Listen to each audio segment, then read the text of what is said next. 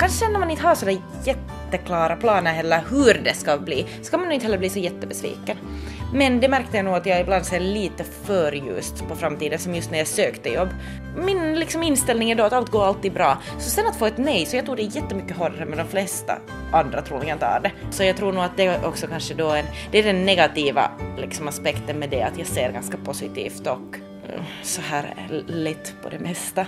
Malin Lundsten är 27 år gammal, jobbar med marknadsföring och bor i Helsingfors. Och det är henne ni nu ska få höra ett samtal om livet. Mitt namn är Ann-Sofie Sandström. Så kommer du direkt från jobbet nu? Ja, nej, jag var yoga och nu kommer jag hit. Det var i april för över ett år sedan som jag hade stämt träff med Malin Lundsten i en hotellbar i Helsingfors. Malin rör sig i en värld som är helt främmande för mig. Hon jobbar med startup-företag, om jag har förstått saken rätt. Och orsaken till att jag alls känner till den här unga damen är att Malins mamma, Birgitta Hell, är min bästa kompis från tonåren. Och jag har också under åren träffat Malin och hennes två yngre systrar, men det var mest när de var barn. Jag har ingen tid, vi har bara en på jobbet så slut, bara vi ska ut ikväll. Men Det jag visste om Malin var att hon älskar att resa, att hon har vistats utomlands i olika repriser och att hon i fjol just hade bytt jobb. Och så förstod jag att Malin i motsats till vad som verkar vara fallet med många andra ungdomar idag ser ljust på framtiden. Nå, allt det här gjorde mig lite nyfiken och jag tänkte att det skulle vara roligt att någon gång göra ett program med Malin och höra hur hon funderar kring sina livsval så här långt. Ja, ja, så man behöver inte ha så jättemycket att säga. Nej, alltså faktiskt inte. Lite allmänt. Jag har lite funderat kring det man har gjort och sådär. Det är lite Sa du och tittade menande på mig. Jag funderar lite. Det enda jag kan fundera kring så har jag nog säkert redan någon gång funderat. Jag är Malin Lundsten. Jag bor i Helsingfors i Tölö och kommer från Vanda. Du jobbar nu med vad då? Eh, Jag jobbar som, min titel är marknadsföringskoordinator, men jag jobbar egentligen då i ett marknadsföringsteam som har två personer som jag jobbar då med den här grafiska biten. På grund av vissa olyckliga omständigheter blev programmet med Malin inte gjort i fjol. Och när jag väl skulle börja bearbeta det jag hade spelat in så hade det nästan gått ett år. Så jag träffade Malin på nytt i mars i år för att hon skulle berätta vad som hade hänt sen vi senast sågs. Så det återkommer vi till senare i det här programmet. Men nu ska vi gå lite bakåt i tiden. Hur var du när du var liten? För jag minns ju det från när du var riktigt liten, när du var ungefär så här. Ja, jag tror att jag var annorlunda än vad jag är nu. I alla fall så vet du har mamma då sagt att, att jag var blygare, men jag vet inte att, att var jag det? För att jag, alltså jag kommer inte ihåg, jag kommer inte själv ihåg att jag skulle ha varit det. Men att det minns jag också min lärare som jag hade hela lågstadiet, så hon började redan tidigt att kalla mig Prepel-Kajsa och sånt, så jag antar att jag nog ändå måste ha varit liksom ganska så här pratsam och högljudd för att, vet du, någon talade i klassen så var det så här, Malin, var tyst. Eller så, så där vet jag att Malin blir utslängd. Så att det liksom, jag, jag antar att jag nog måste liksom prata så, men att jag förstod inte själv, för jag har aldrig tyckt att jag har varit sådär högljudd eller pratsam. Vad gick du och funderade på när du var liten att du skulle bli? Hade du några fantasier om vad du skulle... Nej, alltså jag ville väl bara nog, nej, okej, lärare, det ville jag bli i något skede, det ville jag jättemycket bli. Så det var nog en sådan tanke, men jag tror nog mer att det också bara berodde på, jag tyckte det var roligt i skolan, det var nu i princip allt vad jag såg. Men att annars så inte tror jag i något skede har man ju alltid velat ha att man ska bli någon vet du, sångerska eller skådespelerska eller något annat sånt, men det har nu, det har nu mera varit, det har aldrig varit en dröm för mig eller något sånt som skulle ha hållit längre än någon vecka, den där tanken, men att en lärare kanske var en sån som jag skulle vilja. Har ju två systrar. Ja. Vad är det för åldersskillnad mellan er? Mm, mellan mig och Sofia, som är då min äh, mellersta syster, så är det ett och ett halvt år. Och sen mellan mig och Mirre, som är yngst, så är det fem år. Jag har noterat att fast Malin och hennes två systrar redan är vuxna så åker de fortfarande ibland på resa med sina föräldrar. Ja, det gör vi. Det är jätteroligt. Jag vet inte, är det nu bara då också att mamma och pappa föreslår att vi ska fara, eller hur det nu kommer sig då att alla alltid vill fara, men att det är ju jätteroligt. Så. För inte du alla som när de är vuxna far på det Nej, och sättet? det är det jag också liksom har funderat för att vi gör ändå så mycket men jag tror att vi annars också gör jättemycket som familj tillsammans. Så att det där att resa så är det en ganska naturlig sak sen för att det är ju också den där semestern där roliga så nu vill man ju ha det också. Så att då är det ju nog ändå bara att hitta tid och okej, kanske också en annan sak, det är ju det att vi eller jag, eller vi, kanske också blir lite så här avundsjuka emellanåt när mamma och pappa far hela tiden någonstans och sådär. Så då är det ju kiva också om de vill ha med oss någon gång och ta med oss på resor. Ni har inte haft någon sån här protest att ni liksom nej jag far inte med de här föräldrarna, jag tänker nog minst fara på egen hand. Mm, nej, det är nog för roligt för att resa för att protestera. Det är liksom, nej, nej, nej, nej, eller det har jag nog aldrig känt. Nog för att jag har protesterat mot precis allt annat, men att resande så tror jag nog inte att jag skulle. Som till exempel vadå? No, I allmänhet allting. Hade du en svår tonårsperiod? No, om vi säger som så, jag var ganska tonårsaktig. Nej, Inte var jag kanske den sådär snällaste och den medgörligaste. Att nog är jag väl kanske ganska, hade mycket åsikter då som inte kanske då var så hemskt uppskattade hemma. Hur många år pågick det? Jag tror, alltså okej, okay, svårt att säga. Jag minns när det började, och det var när jag var 14 år, och jag tyckte att liksom, jag var hemskt sådär barnslig ända tills dess. Och sen bara vet du så kom det sådär i huvudet, men så här kan jag ju inte fortsätta, att nu måste jag ju bli vuxen, nu måste jag bli så. Så istället blev jag jättetonårig. Så då så började jag med allting, så där vet du festa och bla bla bla. Som 14-åring? Ja! Oj, oj, oj, gamla tant Ann-Sofie. nej, nej, men alltså då fick jag på något sätt sån vet du, stress att alla andra har gjort allting utom jag. Så kanske på nian i högstadiet så började det intresse då att man vill göra något annat än att bara sitta hemma och leka med Barbierna. Så att då så kom det mera in och då så började jag nog protestera men att jag skulle säga att jag nog redan liksom sådär, det var nu ett par, tre år och så började jag bli lite så här Då började den liksom bli lite Ja, vuxnare? ja, ja, exakt. Kanske lite förståndigare. Men att inte vet jag nu sen vad de som råkar ut för mina vredesutbrott liksom ska ha att säga om det här. Men att jag, jag tycker i alla fall att, att redan kanske tvåan i gymnasium eller trean så var jag nog redan helt stabil. eller sådär. Men då när du gick i gymnasiet och skulle välja någonting, Mm. hur, hur tänkte du kring vad du skulle fortsätta att göra? Hade du några klara Mm. planer eller var det bara att jag, jag vet inte, jag tänkte inte faktiskt jättemycket på det. Utan jag tyckte det var roligt i gymnasiet och i princip skulle jag inte vilja att det skulle sluta för jag tyckte att det var så roligt där. Som dagis, liksom. No, men, men exakt, vet du. Man vill, inte, man vill inte ta riktigt nästa steg för att man har det ju så bra i den stunden man är i. Men att så tydligen så har då min mamma varit lite oroligare för min framtid så hon hade sen hittat det här alternativet på Arkada. De sökte medieingenjörutbildningen, medieteknik heter den, att de sökte då studerande dit. Så ansökte jag dit och det var liksom det var bara att man skulle skriva, jag hade då skrivit i studentexamen, hade jag skrivit långmatta och långfyssa. Så de här inträdesproverna till medieteknik, så de handlade också, det var bara ett fysikprov och ett matteprov. För att Arkada ju då är menat att man ska kunna komma också från praktikum, alltså ammattikoulu, Ja, alltså yrkesskola. yrkesskola. Alltså det var inte jättesvårt tycker jag. Så inkom jag ju och jag gick dit med den inställningen att vet du om jag inte tycker om det här så slutar jag och funderar sen liksom till nästa år vad jag skulle vilja göra. Men så trivdes jag jättebra med det. För att det är också just det att jag har alltid nog tyckt om, om datorer. Det har varit någon sån här konstig också grej att, att jag har varit intresserad av det. Jag har tyckt om att, att försöka klura ut saker och komma på hur man ska göra saker och så. Och i något skede så började jag redigera bilder som helt hobby. Vad man nu hade för några dåliga digitalbilder då förut så, så höll jag på att redigera dem och vår utbildning handlar ganska mycket om, om också sånt. Hade du bara sökt till det här ena stället då? Eller hade du sökt bara så du satt in pappret någonstans också för säkerhets skull för att du skulle ha något att göra? Jo, jo, jo, det hade jag nog också på det här, eh, det här ekonomilinjen och det var ju actually den jag kom in på. Men att sen var det också att man fixade för att jag ville inte alls det. Jag ville det så lite. Då skulle jag nog hellre ha jobbat, vilket jag tror att var kanske min plan då egentligen att jag skulle jobba. Du skulle jobba ett år? Ja. Hade du något sådant jobb på lut? Nej, nej, nej, nej, nej, inte. Eh, no, nu sommarjobbar jag, jag har nog alltid jobbat så att nu ska jag säkert fått, då just så jobbar jag i bar. Att eh, den sommaren så jobbar jag på en terrass och serverar öl och så. Och eh, jag vet inte, inte var det nu heller någon plan att jag ska fortsätta där eller så, men att det var nog inte heller något som jag skulle haft något emot. Jag skulle helt bra nog ha kunnat göra det ett år. Fast det var nu också kanske då liksom för att vad alla sa till mig att sen när man nu jobbar ett år så är det så svårt att gå och studera och sådär. Så, att, så jag tror att det var också kanske det sen att, att liksom en viss press hade man ändå på sig att då hitta på något att göra fast man inte riktigt visste vad det var. Att man ändå fick höra att inte kommer du att veta mer om ett år. Vilket nog också, liksom, som jag upplever det, oftast, eller det mesta som man nu börjar på och sätter sig lite in, så det är intressant, det är roligt. Inte behöver det vara om man studerar medieteknik så inte, inte många från min klass de blev kodare. Det skulle inte verkligen heller vara något för mig. Jag tycker det är jättetråkigt och jättejobbigt. Men att sen när Den, man... den delen är inte som du är mest... Nej, nej, nej, nej, nej, med Datorer och allt sådär. Nej men det är inte det för att det är liksom bara jättepet noga och okej det är svårt också och det är en sån sak du måste sätta dig jättemycket in i och liksom ha mycket kunskap i och sådär och det har jag inte och det vill jag inte kanske heller riktigt ha. Att jag tycker mer om det här grafiska som jag håller på med som är lite mer så här abstrakt och sådär. Du får nog göra som du själv vill. Att det kommer ändå att funka. Att med kårande så är det det att, att om du inte gör precis rätt så det funkar det inte.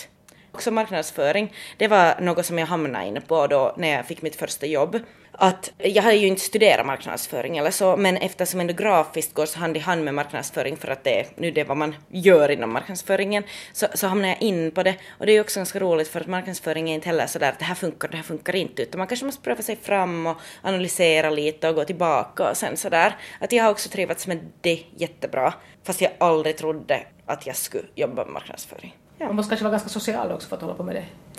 Uh, det är faktiskt det jag tyckt om. Jag har bytt jobb då här för en tid sedan och uh, det som jag har tyckt mest om med mitt nya jobb är eftersom vi då är liksom en, vi är en, en plattform för olistade företag som vill ha kapital in i sina företag. Så vi behöver både personer som pitchar för oss, företag som pitchar, och så behöver vi investerare som investerar i de här företagen som pitchar. Så det är mycket att hitta de här rätta människorna och mycket att liksom networka och träffa människor som kan vara potentiella kunder eller potentiella investerare. Så det har jag tyckt jättemycket om. Vi, vi går på event och då är det just bara det att liksom man ska bara vara framme och man ska tala och man ska visa sig och så. Jag tycker att det är ganska roligt faktiskt.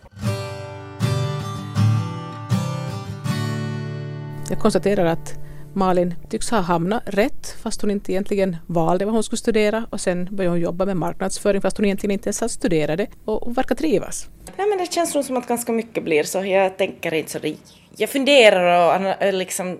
Du grubblar inte? Nej, nej, nej, nej. Och jag funderar inte så jättemycket på nästa steg. Att det är mer så att man får en idé och så gör jag ganska snabbt liksom följer den. Men ibland så måste man nog också fundera så lite efteråt att varför gjorde jag nu sen det här? Att, att varför kunde jag inte fundera liksom två gånger igenom den här saken för att jag följde mina tankar? Att, att emellanåt blir det lite förhastade beslut. Hur många av dina klasskamrater från den där Arkada har de jobbat alla idag eller har de, gör de något som har med det de har studerat eller har de gjort några helt andra saker? Mm, många, alltså vi var ju då en liten klass på en 10-12 personer och de som är mina närmsta kompisar, så de har nog jobb inom branschen. Men att de flesta har nog något lite mer så här kanske lite mer tekniskt än vad jag har. Men alla andra var också killar. Ah, så, så det där, eh, okej okay, det var en flicka från Nykarleby på min klass. Oho, ja. Men hon flyttade upp direkt efter studierna och blev gravid. Du tycks inte i alla fall ha haft sådär att du absolut vill få barn före du är 25 eller sådär? Nej, herregud. nej, nej, nej, nej, det vill jag nog inte. Det som känns skönt är att liksom inte heller, no, okej, okay, den första i min kompiskrets har fått barn nu för ett halvt år sedan. Men att ingen annan, vi är alla ganska sådana här också då att det, det kommer ingen så yttre press heller då på att, att skaffa barn eller sånt. Vilket jag tycker att är ganska skönt för att jag skulle nog inte, jag tycker att det finns för mycket roliga saker att ännu pröva på för att kanske skaffa barn. Kanske sen i något skede så får man den där filisen men att jag tycker om att sätta mina pengar på resor. Så jag tycker om att själv bestämma över mina pengar då och kunna spara dem till sånt som jag vill göra. Så just nu har det i alla fall nog gått så att man jobbar och så sparar man hela tiden och så när man känner att man igen har lite pengar att, att slösa så kan man få iväg och resa någonstans och se världen. Så den resan har alltid varit en sån där grej som du har tyckt om då liksom från, ja. från liten? Ja. Det har varit så roligt och så speciellt på något sätt att man kommer ihåg det och nu känns det sådär att man kan inte få nog heller av det. Att man vill se nya ställen när man har sett någonting så känns det bara sådär att men det finns ju så många andra ställen ännu som man vill se att fast man nu har varit för någon månad sedan så måste man nog fara igen någonstans.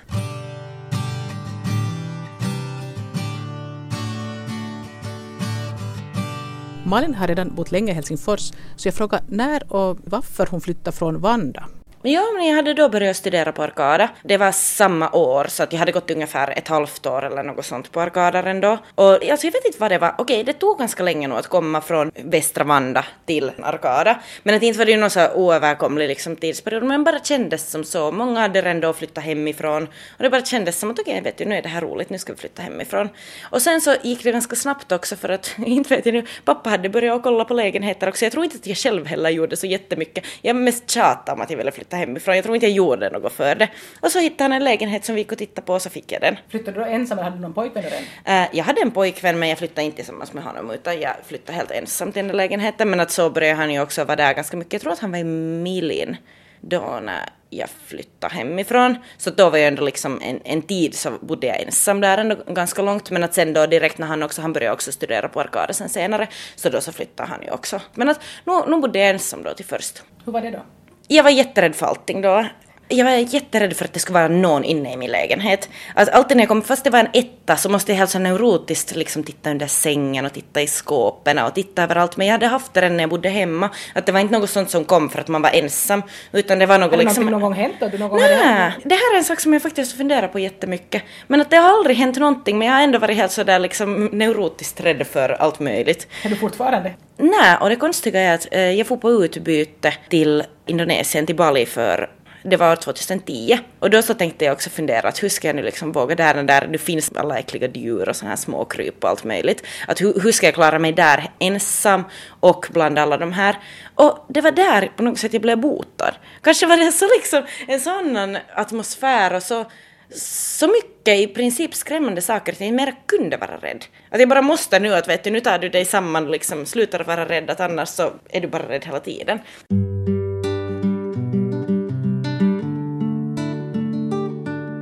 Jag ber Malin berätta mer om den här vistelsen i Indonesien.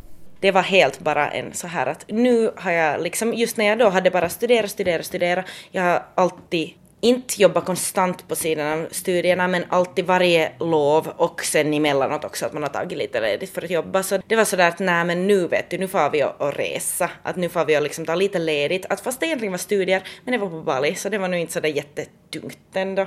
Hur länge var du där då? Det var ett halvt år. Det var ganska länge. Var du hemma emellan alls? Nej. Vad tyckte du att det gav dig mest den vistelsen där då? En självständighet som jag liksom inte visste att jag hade före det på ett sätt. Och sen också det att det var första gången som jag levde på engelska. Så det gav det mer än allt annat, kanske det att jag kände mig att liksom hej, vet du, nu kan jag ju det här. För dittills hade det nu varit sådär att det är nu mer ett liksom, språk som jag har studerat, ett språk som jag nog liksom visste att jag jag, jag kunde, men att som jag inte hade ändå det självförtroende att tala och så. Så sen när man tvingas till det så det var på något sätt jättepositivt. Men efter det så har jag nog aldrig tänkt att jag inte skulle kunna engelska. Och nu jobbar jag faktiskt på engelska. Och eftersom det då är business-engelska så jag har nu måste liksom ta kanske min engels, mina engelska kunskaper till en annan nivå ännu. För att nu är det ändå en helt skild sak vad man håller på att tala nu i skolan och så än sen på riktigt när det är business-engelska och ännu det när det är finansbranschen.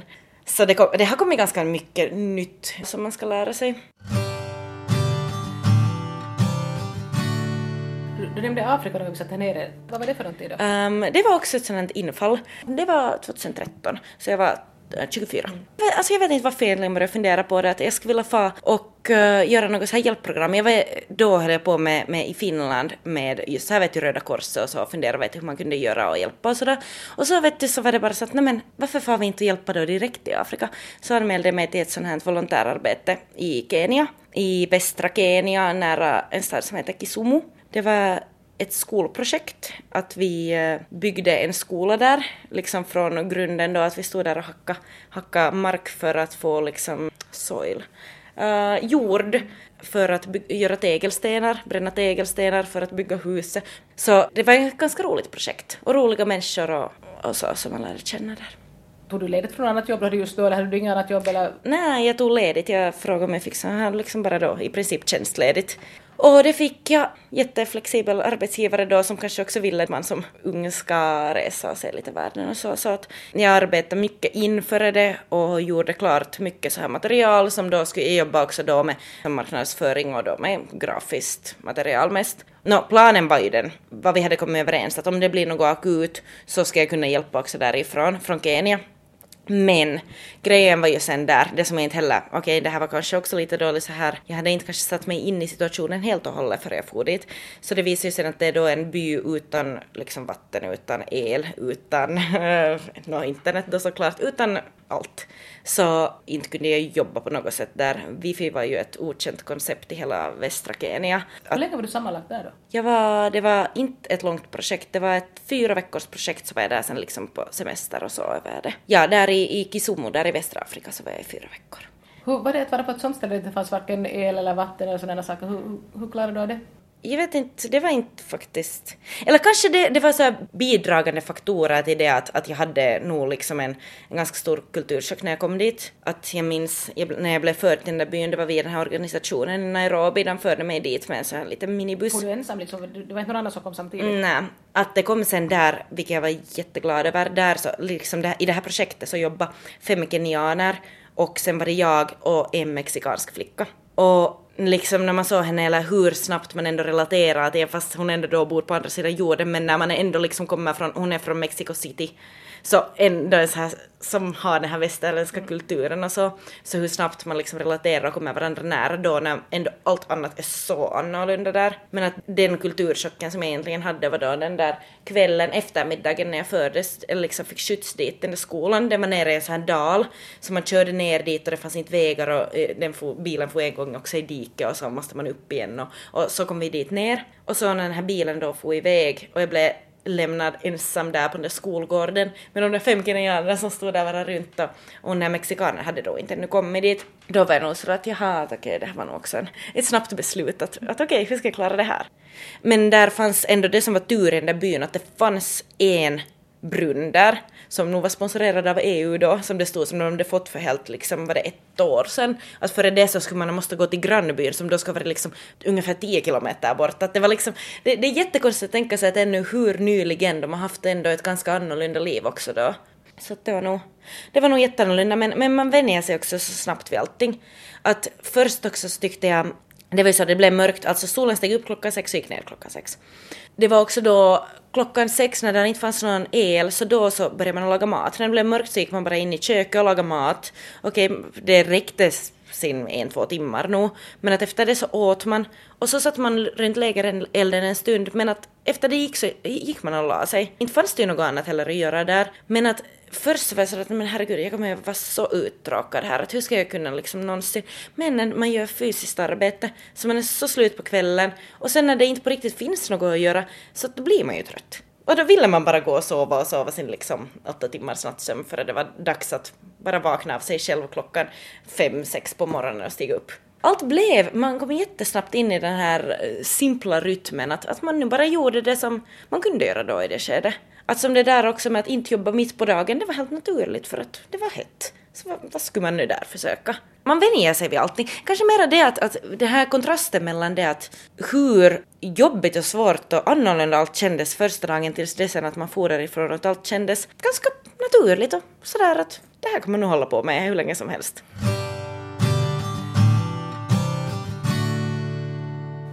Och sen har du varit och, och till Sydamerika också här ganska nyligen va? Ja, det var med min pojkvän. Det, det är inte samma pojkvän när du flyttade hemifrån? Nej, det var det inte. Det, vi hade gjort slut och så hade jag hunnit vara singel och så har jag blivit tillsammans med då, min nuvarande pojkvän. Så vi, får, vi bestämde, alltså jag vet inte heller jag tror att jag nu levde lite så här på eftersviterna av min nyfunna frihet då från liksom Kenya. Att jag vågade fråga också om lov att får jag nu fara igen när vi bara funderade så att det skulle vara roligt att göra någonting. Så då så, så bestämde vi att vi, vi åker till USA först och så åker vi till, till Sydamerika efter det. Hade du någon plan hur länge ni skulle vara borta eller? Mm, alltså no, det började då med att vi skulle vara liksom två månader men sen så blir det vet du, till sist så var vi fyra månader borta. Att äh, det blev en sådär lite längre resa då ändå men vi hann se ganska mycket och vi var, vi roadtrippade i USA först i en månad så det blev ganska mycket tid.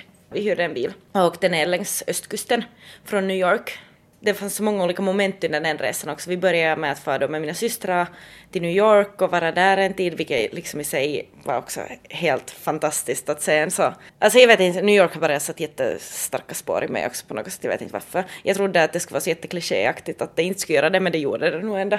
Men sen så därifrån så hyrde vi bil och åkte neråt då till Miami var då en av mina bästa kompisar var tillsammans med en kille från Miami så hon bodde där då. Och sen tog vi sen därifrån via Mexiko då och träffade min mexikanska vän och, och sådär att, att i Mexico City så fick jag den värsta matförgiftningen någonsin, var sjuk i ungefär två veckor, jag har aldrig varit lika liksom utdöd i, i två veckor ungefär. Men sökte du ja, hjälp? Jo, jo, jo no, det var här som jag då första gången blev tvingad till att tala spanska på riktigt då också.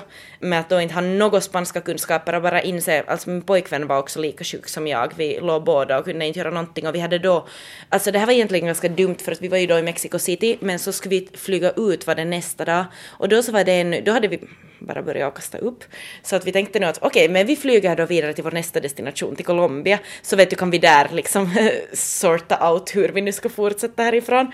Men där så märkte vi att det blev bara värre och värre och värre och vi skulle ha fått mycket bättre hjälp i Mexico City och där hade vi också en bekant som skulle ha kunnat hjälpa oss med spanska. I Colombia var ingen då tala liksom engelska, absolut inte en enda person. Och att där försöka börja på spanska, förklara vad man har och vara så liksom, jag, jag klarar inte av att gå med mer än några steg för att jag var så svag och så. Det var jätte, jättejobbigt, men där kanske man också fick när man blev tvingad till att tala spanska redan i ett så tidigt skede, så var det kanske sen lättare att jag kände att jag där under, sen resten av vår resa så lärde jag mig ganska mycket spanska också. Så kanske det kom något bra också ut av den där. Men det måste varit hemskt att vara liksom så svag och dålig på ett främmande ja. ställe liksom. Va? Ja, ja, ja, ja. Det, alltså, um, har du någonsin tänkt att det här blir min sista Ja, stund? jo, jo, jag tänkte nog det liksom många gånger också för jag mådde faktiskt så dåligt och det värsta är att det var ännu på då när det började, det var kanske andra dagen eller tredje dagen eller något sånt, eller kanske fjärde eller sånt för att jag sov ungefär tre dygn först. Men att då liksom så, det var VAP i Finland och då tänkte jag att oj, om jag nu bara ska vara i Finland så ska jag vet du, inte ha något av det här och jag ska bara kunna festa med kompisar och inte ligga här och mer död än levande. Men att nog började det också. Sen så fick vi nog någon medicin. Jag tror att ehm, all medicin där är lite starkare än vad den är här. Så att det började nog liksom, livet började återvända där efter en, efter en tid.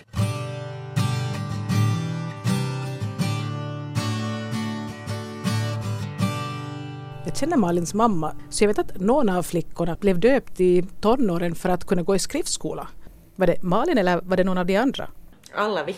Aj, ni, ja. så, så ni ville alla gå i skriftskola? Ja. Nej men alltså ja, för det, det hörde till också Evan. Det är också en sån här sak som, det har nu bara varit att man, man ska nu gå på den liksom. Att, att det, det, alla gjorde det. Det var liksom inte något sånt som man ifrågasatte. Eller i alla fall, jag gjorde det aldrig. Utan det var nu bara en sån här grej som man gjorde. Men alltså... Men era föräldrar hade ju inte då låtit nej, nej, nej, nej, nej, nej. Ja, ja, exakt, exakt. Ja, exakt. Men så valde vi också alla inte det alternativet. Nej, Miriam hör till kyrkan. Men att... Alltså ni blev döpta? Ja. ja, men sen för, så här... För att kunna gå i skriftskolan ja. och sen har ni gått ut ur kyrkan? Ja. Nej, det var lägre, det var det att alla gjorde det. Man gick aldrig på läger man gjorde aldrig någonting liksom tillsammans med alla sina kompisar, något annat än skola. Och så, så, liksom, så erbjuds ett läger vart alla är på väg. Så det, det, det var mer det, vet du, det ska kunna vara vad som helst för läger. Det var liksom mer det att man ville vara med sina kompisar. Vad var det annars intressant då? Nej, alltså vad jag mera minns av, jag minns att jag tyckte om när jag var liten, just när vi aldrig hade hemma, jag, jag tror inte jag liksom visste riktigt vad Gud, Jesus, någonting var, så minns jag när Eh, var det i skolan eller var det på dagis eller någonting så, så hade man alltid när det var i något skede så läste någon ur liksom bibeln för en, jag tror att det var barnens bibel, att det var liksom så här bra storyn. Och jag minns att jag tyckte att det var jätteroliga historier, så jag har faktiskt önskat mig en barnens bibel någon gång på lågstadiet som jag har fått, som jag minns att jag läste för jag tyckte det var bra historier. Jag tror inte att jag heller då liksom insåg att det var religion eller att det var liksom någonting, någonting annat än historier. Och hur länge var du sen med i kyrkan då efter att du blev konfirmerad? Uh, inte så länge. det, det, var, det var en sån period då som det var.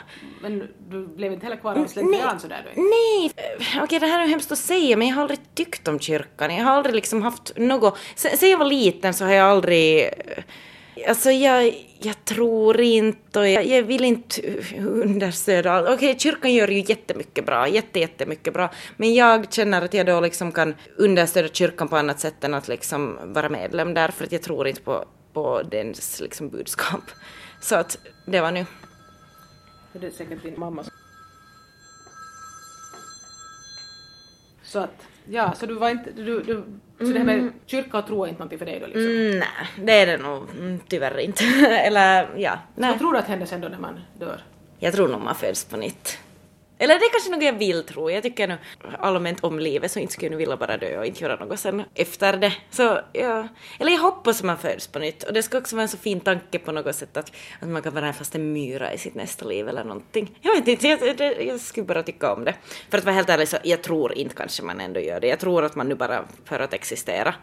Men att det som jag helst, alltså ja, det var det här jag faktiskt funderade liksom då på högstadiet. Det som jag helst skulle tro på skulle just därför vara hinduism och sånt, liksom för att få födas på nytt. Och för att liksom kunna tro på det. Men att, inte tror jag nu riktigt att, att det händer så jättemycket speciellt efter att man dör. Jag skulle inte ha något emot att tro på någonting sådär starkt, men jag bara inte gör det. Jag, inte på något sätt och därför liksom också tyckte jag att det skulle vara ganska dumt att höra till kyrkan eller så.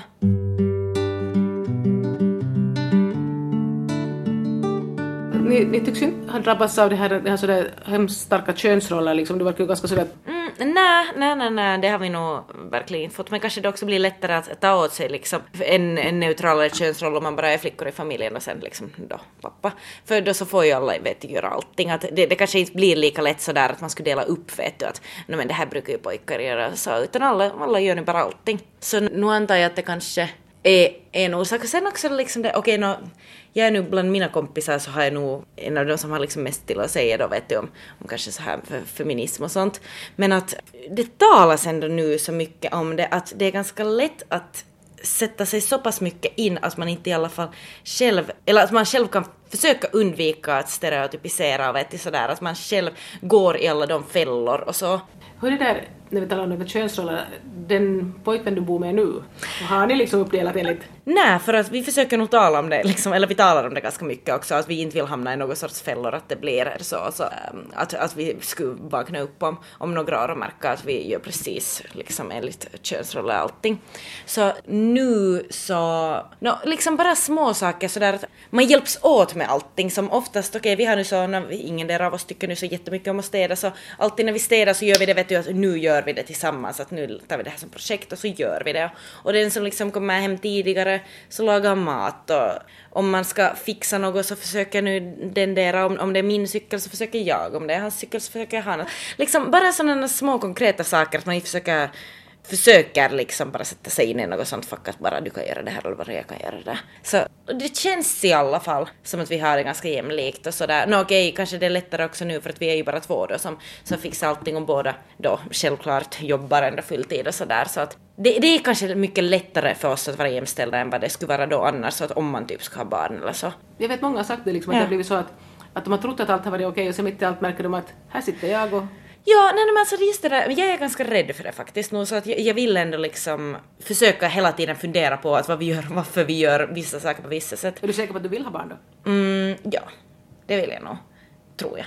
Om det nu inte, alltså, jag, jag, väntar på en sån här stund liksom, jag har alltid tänkt att jag vill ha barn men jag har aldrig velat ha barn sådär vet du, nu nu jag tänkte sen sådär, sen när man får den där känslan av att nu vill jag ha barn, så jag, jag väntar på att den ska hända, om den nu aldrig kommer så vet jag. Nåja, men då kan det hända. Jag har inte i alla fall liksom inte velat ha barn nu, men att jag tror nog att jag vill ha i något skede, eller jag tror att det kommer, kanske. Om det inte kommer så inte tänker jag nu då skaffa barn om jag liksom, om det nu känns som vet du idag att, att jag tycker att det finns roligare saker än att skaffa barn. Så det där, ja. Men att... Och nu skulle livet ändras hemskt mycket. Så. Ja, jo, jo, jo. Nej, men på alla sätt och just det där att jag tror att det skulle bli hemskt mycket mer sådär man och kvinna då, fast man skulle försöka att inte göra det så. Så tror jag nog ändå att det liksom ganska automatiskt då ändå För många blir, det blir det ganska sådär könsroller. Ja. Mm. Så att hittills är det nog kiva så här. Jag frågade Malin vad det var som gjorde att hon föll för den pojkvän som hon nu bor ihop med. Hmm. Um, jag vet inte. Vi um, liksom eh, kom vi en kompis då så skulle vi jobba på samma projekt då. Och då så liksom träffade jag honom för första gången. Vi har ju gått liksom då i samma skola också men jag har aldrig sett honom där. Han gick väl en klass under mig eller två, nej en klass under mig. Så jag vet inte, fast vi är liksom så små grupper så inte hade jag bara någonsin sett honom då eller så. Så sen bara träffades vi då och jag vet inte, då var det nog bara allt sånt där som man, vet mm, jag visste ju att han var smart om han ändå jobbade i samma företag och sådär. Och, och liksom sen så, eh, vi gick genast ut den där samma kvällen så gick vi på after work med jobbgänget så då liksom när man ändå direkt kom sådär och talade vet du, han verkar kiva och så var han ju snygg och allting så, nu, nej men alltså jag vet inte, det var bara, det nu bara hände. Att inte var det något, det liksom hände jättedirekt inom en vecka så hade vi bokat vår första flygbiljett tillsammans till Vasa. Så, till Vasa? Ja, så vi stod på stort och få till Vasa? Ja, ja, så var vi på kräftskiva i Vasa hos sen gemensamma kompisar, för sådana hade vi nog mycket ändå för att vi liksom hade gått i samma skola och sånt så att det blev ganska lätt sen att bli ihop. Hur länge var du med din första pojkvän? Länge, äh, typ när vi började sällskapa när jag var 16 så äh, tills jag var, var 21 eller 22. Så jättelänge. Det var nog jätte... No, det är nog länge i den åldern. Ja, det, är nog det var nog helt hemskt att göra slut. Det är nog kanske också en av de där liksom värsta sakerna som, som någonsin, att på något sätt också det när man inte alls hade varit vuxen sådär för sig själv så på något sätt, det är då när allting ändrades. Så det, det var nog ganska också sådär tufft. Var det du som gjorde slut? Mm, det var ett ganska gemensamt beslut. Det var efter att jag kom från Indonesien. Så mm, då hade jag hittat någon sorts, eh, kanske sett vet du att man kunde liksom vara ensam och man kunde hitta på saker och så och sen kändes det bara jättesvårt att, eller vi, vi hittade kanske inte riktigt mera någon sån där gemensam.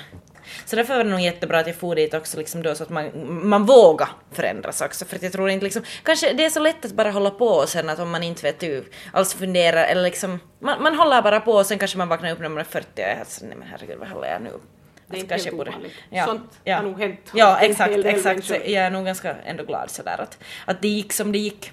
Det är just det där att när man är sådana som börjar vara i tonåren och sen fortsätter liksom livet ut, det är nog oftast liksom att de har inte riktigt hunnit bli vuxna Mm, ja, som, ens, som självständiga människor. Nej, nej, nej, för det var exakt just det som jag började känna då. Sen, och liksom, jag tror inte på riktigt, om jag inte skulle fara på utbyte, och jag, kanske var det ju redan det att jag valde att fara på utbyte, så kanske fanns det något där någonstans inne, men, men jag får inte alls för att jag kände att jag behövde komma iväg från honom. Jag var jätteledsen att liksom fara iväg från honom, men att liksom sen samtidigt så nu kan det ju hända att det var något liksom då, något inre röster som liksom ville att man skulle göra något eget. Så att nu ändå så, jag tycker nog om att sällskapa. Det, liksom, det tycker jag nog. Hur Jag, länge var du singel däremellan?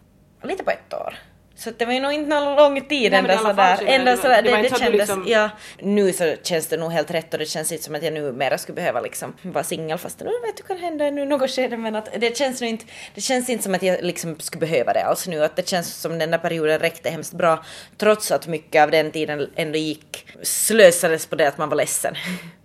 Men man måste ju gå igenom ditt känslor Ja, också. ja, ja, menar, det är måste, man ju, det måste man ju nog. Men att liksom, jag, jag skulle kanske, kanske om man skulle få önska och ändra på någonting, skulle jag kanske ha träffat min pojkvän lite senare så att jag skulle ha fått lite av den här tiden ändå att njuta av det vad man då hade till den liksom punkten vart man hade kommit och bara liksom vara då.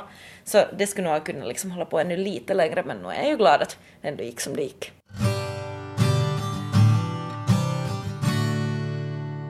Hur ser du på framtiden? Är det liksom... Just. Det är liksom allmänt nog en sån här inställning till att allt fixar sig nog. Kanske när man inte har sådär jätteklara planer heller hur det ska bli, ska man nog inte heller bli så jättebesviken.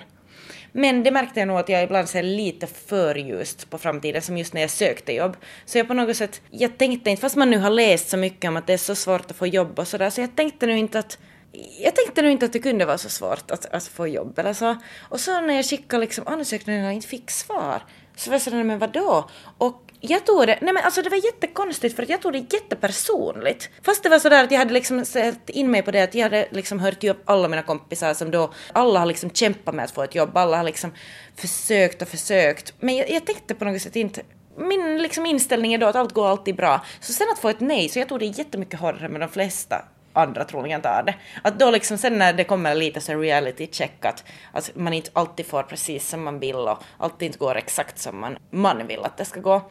Så, så jag tror nog att det också kanske då en, det är den negativa liksom aspekten med det att jag ser ganska positivt och eh, så här lätt på det mesta.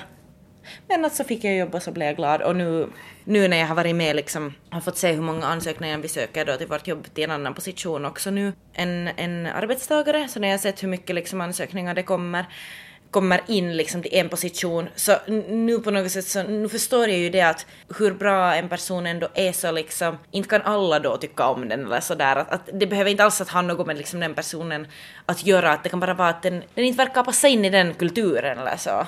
Så att, så att ja, men det, det, det tog jag hårt att där liksom, det är kanske det negativa med att, med att tro gott om framtiden. Men att det, det är nog också liksom positivt, då kanske man vågar också göra mera om man, om man inte har den liksom grundinställningen att det här kommer att skita sig. Utan att man då ändå tror på att, att det kommer att gå vägen. Är pengar viktigt för dig? Mm, jag skulle vilja säga nej, men det är nog viktigt för att jag, jag tycker om att göra sånt som kostar pengar. Jag tror inte att det är så viktigt för mig som det är för många andra. Att uh, hela tiden så har jag pengar så att jag klarar mig liksom bra. Jag behöver inte fundera på pengar i vardagen. Så, så det, det är kanske liksom såklart man måste spara då om man vill göra något extra eller ha något extra. Men, men jag liksom, jag, jag köper inte kläder, jag köper inte så jättemycket så här dyra saker. Att, att det som nu det går pengar åt per vecka är nu mat och dryck. Och det går det. Sen, och sen resor. Ja, ja, ja, resa. Men, men liksom, okej, jag, tycker om, jag tycker om att träffa människor, jag tycker om att gå ut och äta, jag tycker om att gå ut och dricka, jag tycker om sånt. Så att liksom, det, det går det ju nog pengar på. Och nu vet jag också liksom att om man nu någon gång skulle vilja börja räkna hur mycket det går, går på sånt, så nu ska man ju själv också kanske bli lite ledsen i det skedet. Men att det är nu sånt som gör en glad och som man njuter av, så varför nu inte? De senaste åren har jag alltid haft något som jag vill spara till då, som liksom resor och sånt. Så att det har varit så jättelätt, men att nu också just det att jag tror att jag vill spara nu till en lägenhet, men jag vill nog också spara till något annat på sidan om. Att det känns nog inte kanske ändå som liksom nummer ett att spara till. Det känns nog som att, eller nu när jag talar om det så känns det, eller låter det som om allt bara skulle ha hänt sådär, liksom utan någon som helst tanke. Men att nu, nu känns det ändå som att jag har funderat på jättemycket liksom under tiden och så liksom att det, det är mycket beslut som jag har gjort under den här tiden fast, fast det liksom, fast ändå allt har gått ganska av sig själv och liksom rullat på.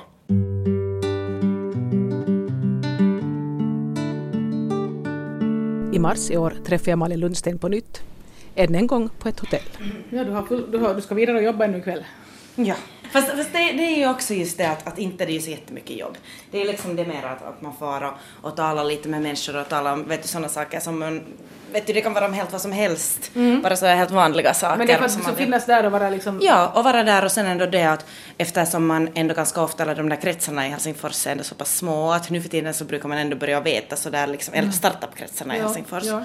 Så vet ändå ganska många att okej, okay, att nu är man här och vi är 15 som jobbar men av oss... Hur många är där på stället ikväll till exempel? Mm, no, ikväll ska jag nog kanske säga att vi är två eller så. Man kan ju inte grisa till det eller något sånt för att man, man ändå representerar ju då ett företag men att ändå nu är det ju sådär att man tar ett glas vin och, och mm. talar om, om, om någon ny app eller något mm. annat. Det är nästan ett år sedan vi, det var i april vi pratade mm. i fjol, så har det, vad har hänt sen vi pratade då för ett mm. knappt år sedan? No, egentligen har det inte hänt så mycket som har liksom förändrats, det har bara hänt en massa inom det som vi talade om då sist. Det kanske det är egentligen som jag nu när jag börjar fundera om det här och jag visste att vi skulle träffas så började jag fundera att vad har hänt? Och det som jag kanske själv blev överraskad över just det att det inte har hänt så mycket. Att egentligen om man bara tittar sådär på stora drag så ser mitt liv ganska likadant ut som för ett år sedan, vilket för mig då är ganska ovant eftersom jag brukar vilja att något förändras. Att jag brukar vilja liksom om man träffar någon som man inte sett på ett år så kan jag säga fast att no, men nu har jag varit ett halvt år på resa eller jag har blivit klar från skolan eller något sånt Men att det, det egentligen har det inte hänt något förutom att jag tror att jag har utvecklats ganska mycket inom jobbet, vilket ju då men du jobbar sig. jättemycket alltså? Det sa din mamma? Mm, ja. Men nu jobbar jag mer än åtta timmar per dag, ja. det är ju nog. Och sen förutom då jobbet No, det, det, har jag faktiskt börjat med. Jag sitter i styrelsen för Arcadas Entrepreneurship Society. Så det har jag börjat göra nu också. Så, så det, det är ju lite... No, det betyder i praktiken eftersom deras största uppgift då är att, att det här ordna events, olika sorters events då att få studerande att inse att entreprenörskap kan vara en ganska rolig sak också. Så, så var det något som du fattade under tiden du gick i skolan? Nej, herregud nej. Okej, så du, nej, ja. du, du, kan liksom relatera till det att de inte fattar det och du kan försöka förklara för dem att hej. Ja, ja, ja exakt, okay. exakt. Ja. Nu när man ser så mycket entreprenörer då i sin vardag och varje dag liksom träffar en massa olika människor och så, så, så det är kanske mer i och med det som jag har börjat intressera mig också för att se vad då till exempel studerande, vad de vet om hur det är att vara egenföretagare och hur det är att liksom själv göra sitt jobb. Att fast jag är ju då aldrig personligen har, har själv gjort mitt jobb så är det ändå liksom, har sett ganska många som har gjort det nu så att... Har det fått dig att bli sugen på att göra något sådant själv? Mm, definitivt. Okay. Ja. ja, det tror jag nog att i något skede ännu här så, så jättegärna liksom skulle... Men, men det kräver ju också då, eller som man har sett så man behöver ju verkligen brinna för det så mycket och kanske också liksom såklart veta hemskt bra vad man håller på med och vad man gör. Brinna för det men också att den där idén är så pass bra att den på riktigt kan fungera. Trots att idén tror jag inte liksom i sig, den behöver inte vara så unik som ändå många tror. Men inte vill jag heller liksom bara hoppa huvudet före i och, och göra någonting bara för att jag, jag, jag, känner nog ändå att jag får ut så mycket nu av mitt jobb och lär mig så mycket hela tiden att jag är inte kanske ännu färdig för att själv liksom börja något. Då, hur ser du framtiden för dig själv liksom de här närmaste fem åren? Vad, vad kommer att hända tror du? Hjälp. No, eh, Okej, okay, det som vi har talat om är det att det skulle vara helt härligt att liksom jobba utomlands. Det, det vill jag nog definitivt ännu göra. Och nu är det kanske ändå sådär, nu har jag jobbat lite på ett år här, här på Investor då. Är det mycket det för dig att jobba på ett ställe så länge? No, jag har ju känt då att jag tycker om liksom omväxling och, och kanske det att jag har jobbat där över ett år utan att ha något avbrott, utan att fast fara på en längre resa. Eller vi var på en, en två veckors resa nu men att liksom längre än det har vi inte. Till Filippinerna. Så att man fick ändå lite sol och värme och sådär. Men att liksom längre än det så har, man inte, har vi inte varit på. Så, så det är kanske mera det att det, det, samtidigt som man har lust att liksom stanna i den här stunden för att det är en ganska bra stund att vara i. Så har man ändå lust att oj men nu ska det ju vara så roligt att ta ett halvt år nu och, och se världen. Så jag vet inte. Det är att man skulle få jobba utomlands. Så det skulle vara den där perfekta kombinationen nu och det skulle vara den där perfekta möjligheten då som, som man skulle kunna, kunna få. Men tycker du så pass mycket om ditt jobb att det lite känns besvärligt att... Det gör jag och därför tror jag nog inte att vi kommer att få en helt nu. Men ehm, jag tänker som så att, att om man jobbar tillräckligt hårt och visar att man tycker om det och kan så kanske man får komma tillbaka efter ett år också. Eller sen kanske man hittar något annat som man tycker om. Man får se vad som händer och, och sådär. Men att något vill jag nog ännu hitta på sådär ganska snart. Du har hört ett samtal om livet med 27-åriga Malin Lundsted som bor i Helsingfors. Jag som gjorde programmet heter Ann-Sofie Sandström.